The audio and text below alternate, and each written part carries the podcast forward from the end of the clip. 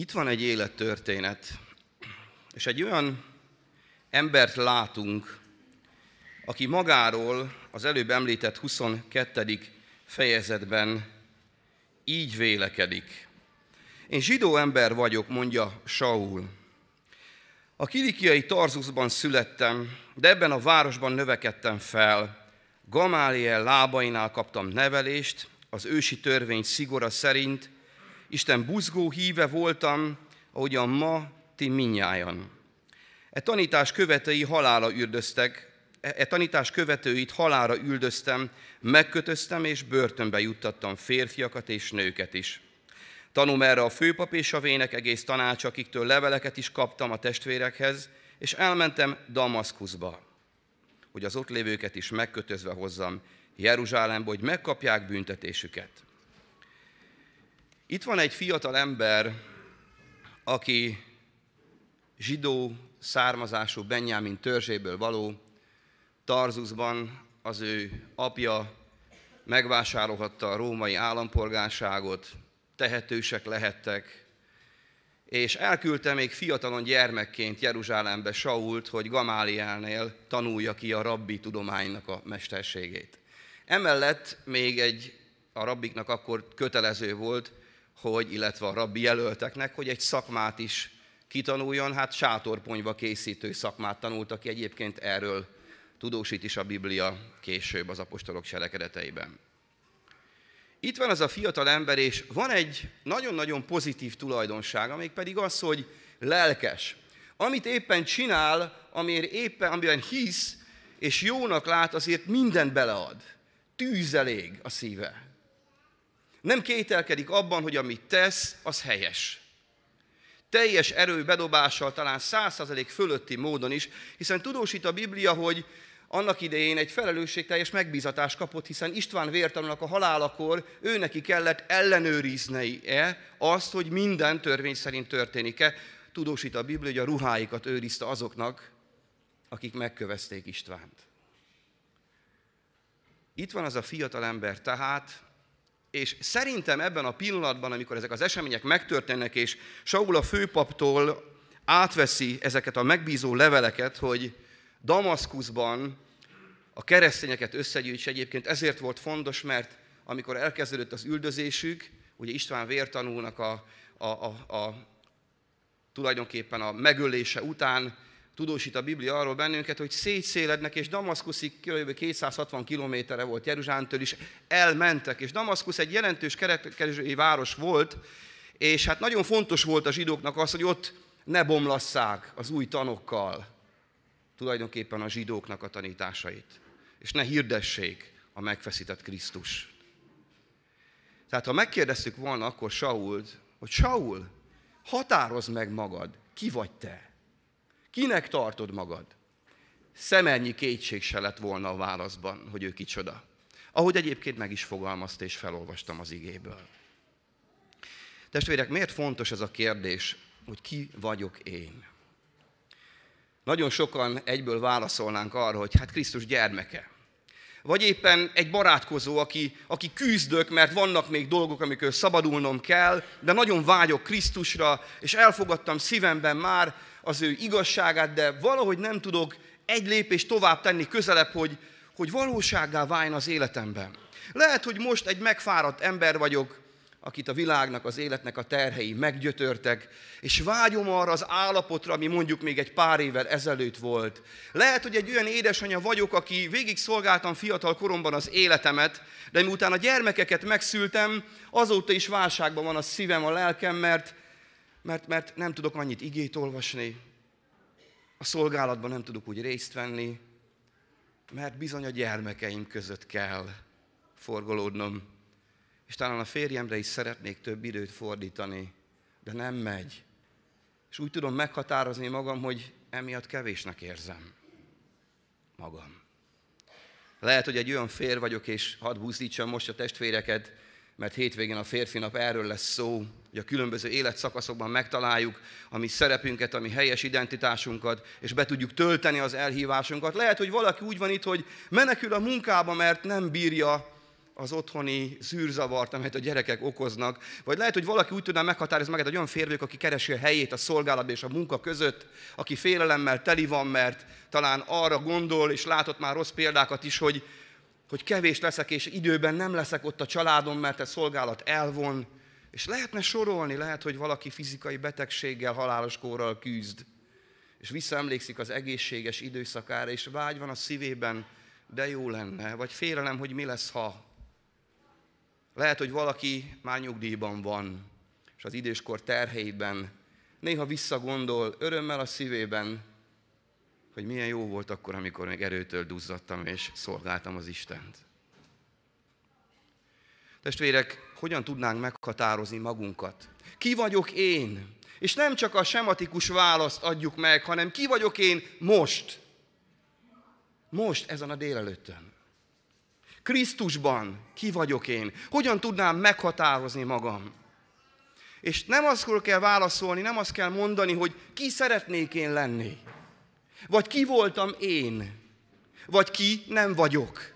Vagy kire vágyom, hogy álmaimban lehessek. Nem, ne ezt a választ adjuk meg erre a kérdésem, hanem azt, hogy ki vagyok most. És fölvetődik a kérdés, hogy erre a választ hogyan kapjuk meg. Ki adja meg a választ? Ki határoz meg engem most? Óhatatlanul én magamat is. Meghatároznak mások is, akik elvárásokat támasztanak felém. Meghatározzák az identitásomat azok, akik mondjuk nem nagyon szeretnek, hanem ellenfelek, vagy ellenségek, vagy irigyek, vagy féltékenyek, de van kezükbe hatalom, hogy hatást gyakoroljanak rám. Meghatározhat a szomszéd, meghatározhat egy kollega, meghatározhatja a feleség a férjet adott pillanatban, lehet, hogy ma reggel is tette így, vagy fordítva. Meghatározhatják az énekkart a szolgálatuk alapján, vagy ahogy látják őket, meghatározhatják a gyülekezetvezetőt, a lelkipásztort, egy vendéget, akivel először találkoznak. A kérdés az, hogy ez milyen hatással van arra az emberre, akit éppen meghatároztak. Ki határoz meg ma engem? én magam magas vagy alacsony mércével. Az előbb felsorolt emberek, vagy egy körülmény, vagy egy esemény, ahol vagy jól teljesítettem, vagy kevésbé jól teljesítettem, mert ez is meghatározhatja, hogy ki vagyok én. Ki határoz meg engem? A sátán a vádlásaival, a fenyegetéseivel, az aggodalmaival, a világ határoz meg? A, a szokásaival, az elvárásaival? Vagy az Isten?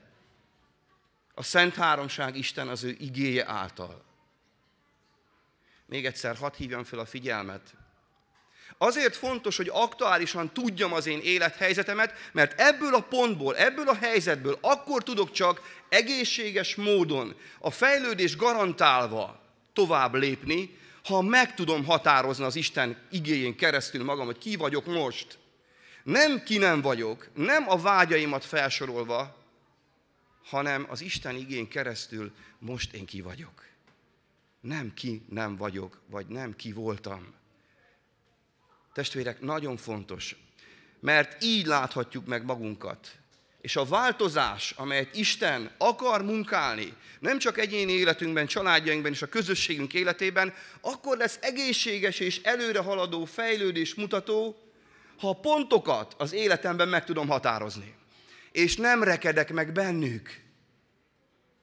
Lehet azt mondani, hogy ha valaki jó lelki állapotban érzi magát, akkor a fejlődés a sokkal könnyebb. Hiszen látja az utat, valószínűleg azért érzi jól magát, a helyén van. Viszont akik rosszul vannak, akik nagyon kevésnek érzik magukat, és látnak már jobb állapotokat a saját életükben is, azok azt mondják, hogy fogok tovább lépni a fejlődésben. Vagy mi lesz azokkal a területekkel, amelyek még soha nem voltak, ugye házasságot hirdettünk. Isten kegyelméből. Hát egy fiatal házas pár hogyan néz, hogyan tekint a jövőjére? teli van félelemmel, aggodalommal, vagy azt mondja, hogy most meg akarom élni a pillanat örömét. És eszembe jut mindig József. József, aki Istentől kapott álmot.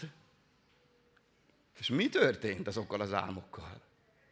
Hát elindult a beteljesedés útján, nem? Hát a csodát, az ellenkezője történt. József, József a mere, verembe, József ugye a fogságba, rabszolgaként a börtönbe, és mondhatta volna, hogy ki vagyok én.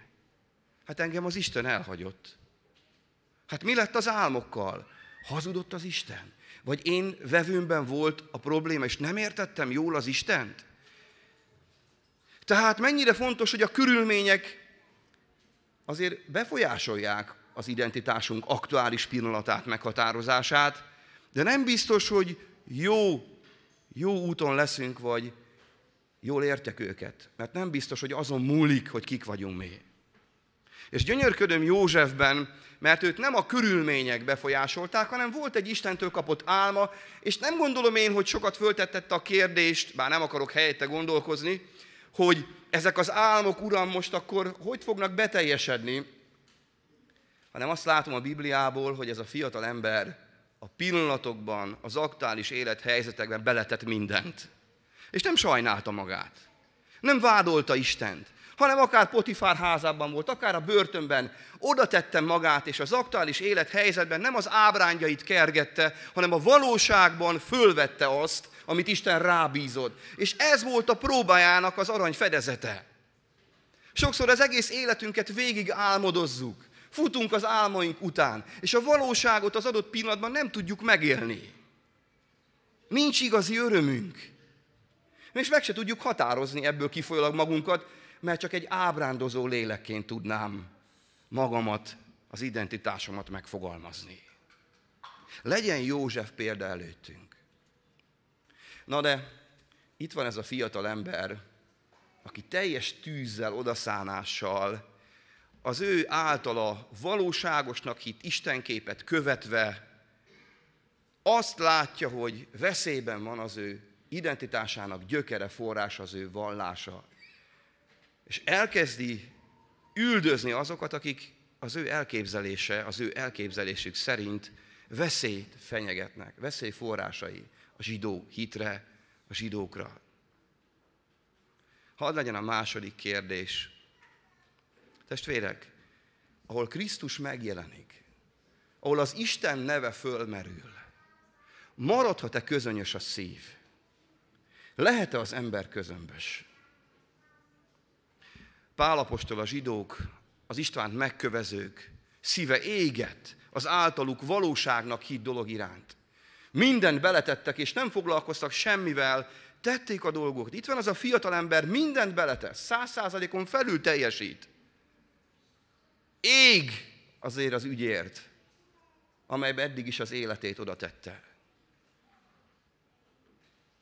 Ott vannak a tanítványok, akik menekülnek bár, de olvassuk a Bibliából, hogy később az életüket is föláldozzák. Égnek Krisztusért. És ma is hányan vannak emberek szerte a világban, akik egy ügyért égnek. Legyen az politikai, legyen az anyagi, egy vállalkozó, egy ötletet, mikor megvalósít, te beletesz mindent, látja a sikerét, ég a tűz benne. Egy munkahelyen, aki úgy érzi, hogy a helyén van, mindent oda tesz, ég a szíve a feladatért, az ügyért, az emberekért, a célért. Családapák égnek a családjukért, családanyák szintén a gyermekeikért. És égünk, ezer fokon ég a mai ember. Az Isten népe a megváltottak közössége. Hadd tegyen föl a kérdés, miért ilyen közömbös Krisztus ügye iránt? Miért vagyunk ilyen közönyösek? Miért nem lángolunk az Úr ügyéért? Miért fontosabb a világnak a dolga, a megélhetés, a boldogság? Miért nem égünk eléggé Krisztusért? Miért nem látom, a tükörben nézek, és az arcokat egy Isten tiszteleten, hogy ég a szívem Jézusért? Égek azért, hogy lelkek meneküljenek meg, hogy újuljanak meg. És nem a földi dolgokkal foglalkozom, hanem Krisztus ügye a legfontosabb. Mi lett velünk, testvérek? Mi lett a kereszténységgel? Ég az a láng, csak takarékon. Így is fogyaszt. Így is van hatása. De ha fölrakunk egy főtételt, akarunk elkészíteni, és egy takarékra rakom, mikor hatalmasabb lágon kéne égni, hát milyen lesz annak az íze, meg mikor lesz az kész? Nem vagyok hitelesebben, nem is akarok jobban belemenni. De mennyire fontos, minden egyes dolognak megvan a maga hőfoka. Tegyen föl magamnak ezt a kérdést. Szeretném otthagyni a testvérek szívén, gyülekezetileg, házi csoportokban, egyénileg is, hogy mi lett az én tüzemmel Krisztusért? De akár a családomért, amiket Isten rám bízott, azokért, a szolgálatért. Mi lett velem? Elveszett az aktív évekkel, nyugdíjas vagyok már. Elveszett egy szolgálattal. Hol veszett el? És ha égek, ha nem Krisztusért égek, hol fogyasztja el az a valami, az a valaki az én energiámat, az én tüzemet? Hol lopja el a világ vagy a sátán? És miért? Miért nem, lelke, nem, miért nem lelkesedek Krisztusért úgy, hogy kellene? És miért lelkesedek, ha nem ő érte? Itt van ez a fiatal ember, akiben nincs kérdés, hogy ő ki. És tulajdonképpen, testvéreim, a megtérésnek az egyik kulcsfontosságú, misztikus dolga itt van. Hogy az ember meg van győződve arról, hogy ő kicsoda, de nem vizsgálja meg az Istentől, Istentől vett bölcslátással, tiszta szívvel azt, hogy vajon helyese ez az identitás, vagy jó ez a cél, amiben rátettem az életemet. Keresztényként is lehet rossz célon elégni. És itt van az a pont, amikor Isten meghatározza valakinek az identitását. És a megtérésben tulajdonképpen ez történik. Te azt hiszed, hogy az Isten pedig tudja, hogy mi a valóság, és megállít téged. Megállította Sault. A megtérés az egy drasztikus irányváltás. És ott tulajdonképpen az aktuális identitás, gyenge vagy erős, az ott hatását, erejét kell, hogy vessze. Sőt, nyilvánvalóvá kell válnia, hogy ez nem volt helyes. Hogy ez rossz. És itt nem kell mérlegelni, hogy mennyi energiát fektettem bele, mennyi áldozatot hoztam eddig azért, hogy én valaki legyek, mint Pálapost is mondja, hogy kár és szemét. Minden, ami Krisztus szeretetéről elvonná. Az nem azt jelenti, hogy mindent ki kellett dobni, de Krisztus szeretete, ismerete mellett minden elhalványult, és mehetne a kukába. Tehát a megtérés pillanatában történik valami, és egy identitásváltás történik. És nagyon fontos, mert itt lehet az egyik legfontosabb krízis, hogy valaki azt hiszi, hogy ő valaki. És egy egész életet bele tett ebbe. És ott az Isten megmutatja neki, hogy ez hazugság hogy ez rossz útirány, hogy ez rossz cél, hogy nem erre kéne menni. És ott összeomlik minden, és sokan ezt nem merik elengedni. Mi lesz, hogyha elengedem? Hát akkor kárba vész az a sok-sok minden. Hát Pálapostolnál kárba veszett. Hát a zsidókat úgy tanította Krisztusra, az abból a forrásból, amit ő tanult, hogy gyönyörködik az ember, amikor olvassa, és nem is tudtak el mit mondani. És testvéreim, mit számít az, amit el kell engedni az örökké valóságért? Hiszen akkor megkapjuk azt az örökkévaló gyümölcsöt, az üdvösséget. Ez a baj, hogy ilyenkor az én központú gondolkodás kerül előtérbe. Mi vagyunk a középpontban. Az önsajnálatunk és sok-sok emberi érzés, amelyet el kellene engedni. Egyébként nem csak a megtéréskor van ez így, hanem a tovább lépésben, a lelki élet, szellemélet fejlődésében is, amikor az Isten kihív egy lépcsőfokkal följebb. És nagyon nehéz otthagyni a biztonságos dolgokat, mert új terület van. És új dolgokat tudok meg magamról, másokról, szolgálatról is. És ez nem könnyű. És ezért fontos, hogy megállapítsuk azt, hogy ki vagyok én most. És Pálapostól ott tulajdonképpen, mikor találkozott a, a Damaszkuszi úton Krisztussal, sehol nem olvasom azt, felsorolja, hogy ki volt, de ott ebben a pillanatban nem foglalkozik semmivel, mert Jézus Krisztussal találkozik. És az addigi látása magáról, az ügyről eltűnik, megvakul. Az Isten fényessége és ragyogása és dicsősége elveszi a régi látást. És erre szükségünk van. Testvérek, olyan csodálatos, hogy nem hagy ilyen vakságban bennünket az Úr ad egy új látást. És amikor Pál kinyitja a szemét, már Pálként, Saulként, kinyitja a szemét, akkor egy más világot lát. magát is másként látja, a környezetét is másként látja, az ügyet is, mindent. Az Isten adott neki egy szellemi látást, amitől nem fél, hanem ez olyan tiszta, sokkal tisztább, mint a homályos régi, a bizonytalan régi, hogy már nincs kérdése, mert volt egy pont, ahol találkozott azzal, aki ezt a szellemi lelki látást adta néki. Ki vagyok most? Hogyan látom magam? Hogyan látom az Istent? Ó, testvérek, ő látta az Istent valamiképpen. Meg volt győződve, hogy őt szolgálja. És egyébként a keresztény üldözésekben ez mindig így volt, hogy Isten nevében gyilkolták egymást a történelemben, és van egy belső érzésem, nem akarok okoskodni, hogy ez a jövőben is így lesz. Hogy az üldözések majd Isten nevében fognak történni. De Pálapostól, mikor meglátta az eredetit, a valódit, az igazit, az élőt, mert Krisztus bemutatkozott neki, és a megtérésnél ez megtörténik. Jézus Krisztus az ő szent lelke által bemutatkozik annak az embernek, akit kegyelmével megkeresett. És meglátjuk a helyeset. Olyan sok Isten kép van, erről olyan sokszor beszéltem, mert nem akarok újra nyitni egy utat, de azért hadd említsek meg valamit, hogy oda merjük-e tenni ezeket ma, mert a ki vagyok most meghatározás, ez is, hogy ki az Isten, aki tulajdonképpen meghatároz engem, ha már hozzáfordultam. És oly sokszor hallom, és senkit nem akarok megmántani, az elmúlt hetekben a lelkipásztor hálón vetette föl az egyik szolgatásom ezt a kérdést, hogy hogyan állunk például ahhoz, hogy emeljük föl Jézus nevét, mert oly sok dicsőítés alkalmával halljuk ezt, hogy emeljük föl Jézus nevét.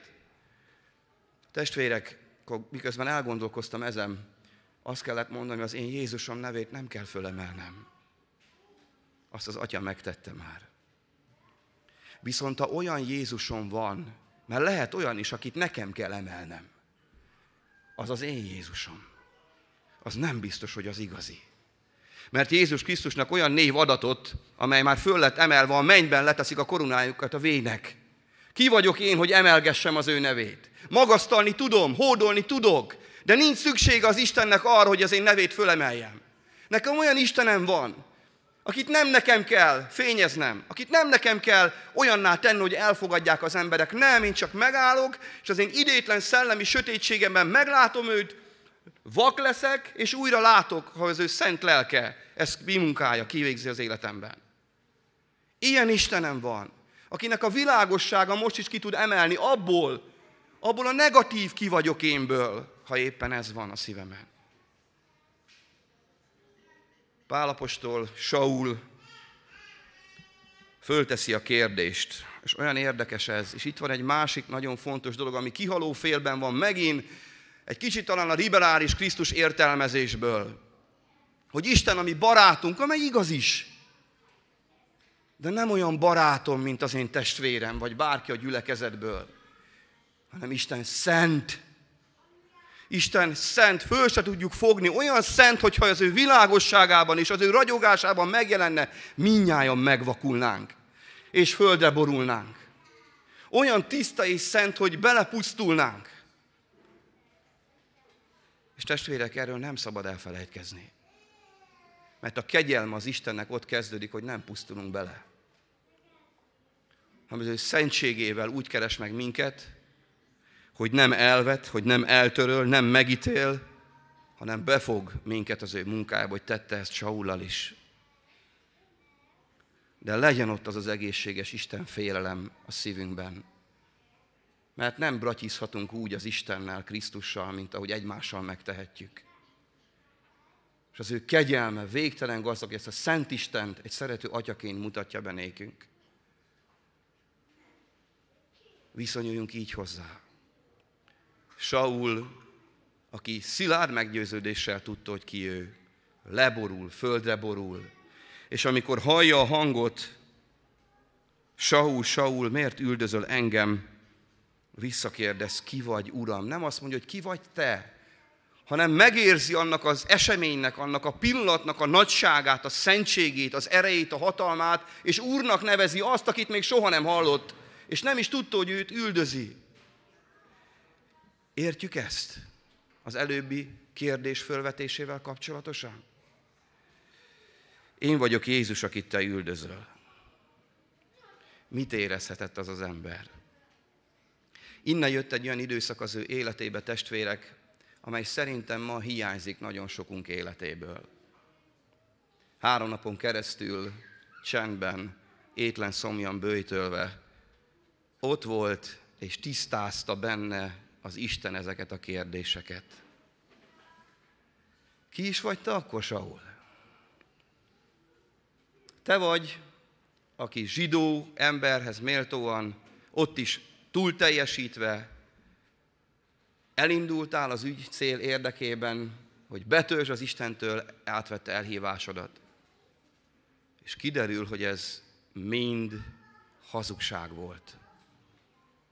Mit érezhetett az ember? Mit érezhet az ember, aki most ezzel küzd? Ezért nem tud dönteni, hogy mindent elengedni, elfelejteni, és egy új ismeretlenre rábízni magam, akinek viszont megtapasztalom a találkozás kapcsán a kegyelmét, a szeretetét, a jelenlétét, az erejét, a hatalmát, és kapok tőle ígéreteket, amik még adott pillanatban nem teljesülnek be. Ez a megtérés. Céltévesztés a bűn, a hamartia szónak a jelentése. Saul ment eddig Damaszkuszba, tudta, hogy ki ő, aztán tovább ment Damaszkuszba, de már minden összeomlott, ami oda vitte őt. Kapott egy új identitást az Istentől. Sőt, ennek a harcában találta magát. És olyan csodálatos, hogy amikor Jézus bemutatkozik, felismerhetem a pozíciómat is. És itt hadd kapcsolódjak még az előbbi gondolathoz, hogy milyen szent az Isten. És nem bratyizhatok vele. Mert ott a lélek rám terheli a pozíciómat. Kegyelemre szorult ember vagyok az Isten jelenlétében. Eltörölhetne, elpusztíthatna, de ő nem teszi, hanem szeret, hanem magához ölel és befog az ő szekerébe, ad célokat, ad értelmet az életemnek, és megsegít abban, hogy fölismerjem azt, hogy mi a helyes cél, az út, és a helyes pozíció, és hogy ki vagyok én most. És annyira jó szervező és rendező az Isten, mert párhuzamosan futnak az események, nem hagyja magára, ad egy új lelki-szellemi látást majd néki, és beszél hozzá. Testvérek, amikor valaki megtér, átér ezt a hatalmas, eufórikus érzést, nem ragadhat meg ebben sem, mert tovább kell lépnie. El kell kezdeni, az újszülöttet se hagyják ott az inkubátorba, vagy a kiságyba, hogy fejlődik szépen, segítik, támogatják a továbbhaladásban. És Anániásnak már szól az Isten. Anániásnak a harc egy külön prédikáció lenne, nem akarok belemenni, de az Isten megragadja a szívét, és ő egyébként így válaszol, azt mondja, itt vagyok, Uram.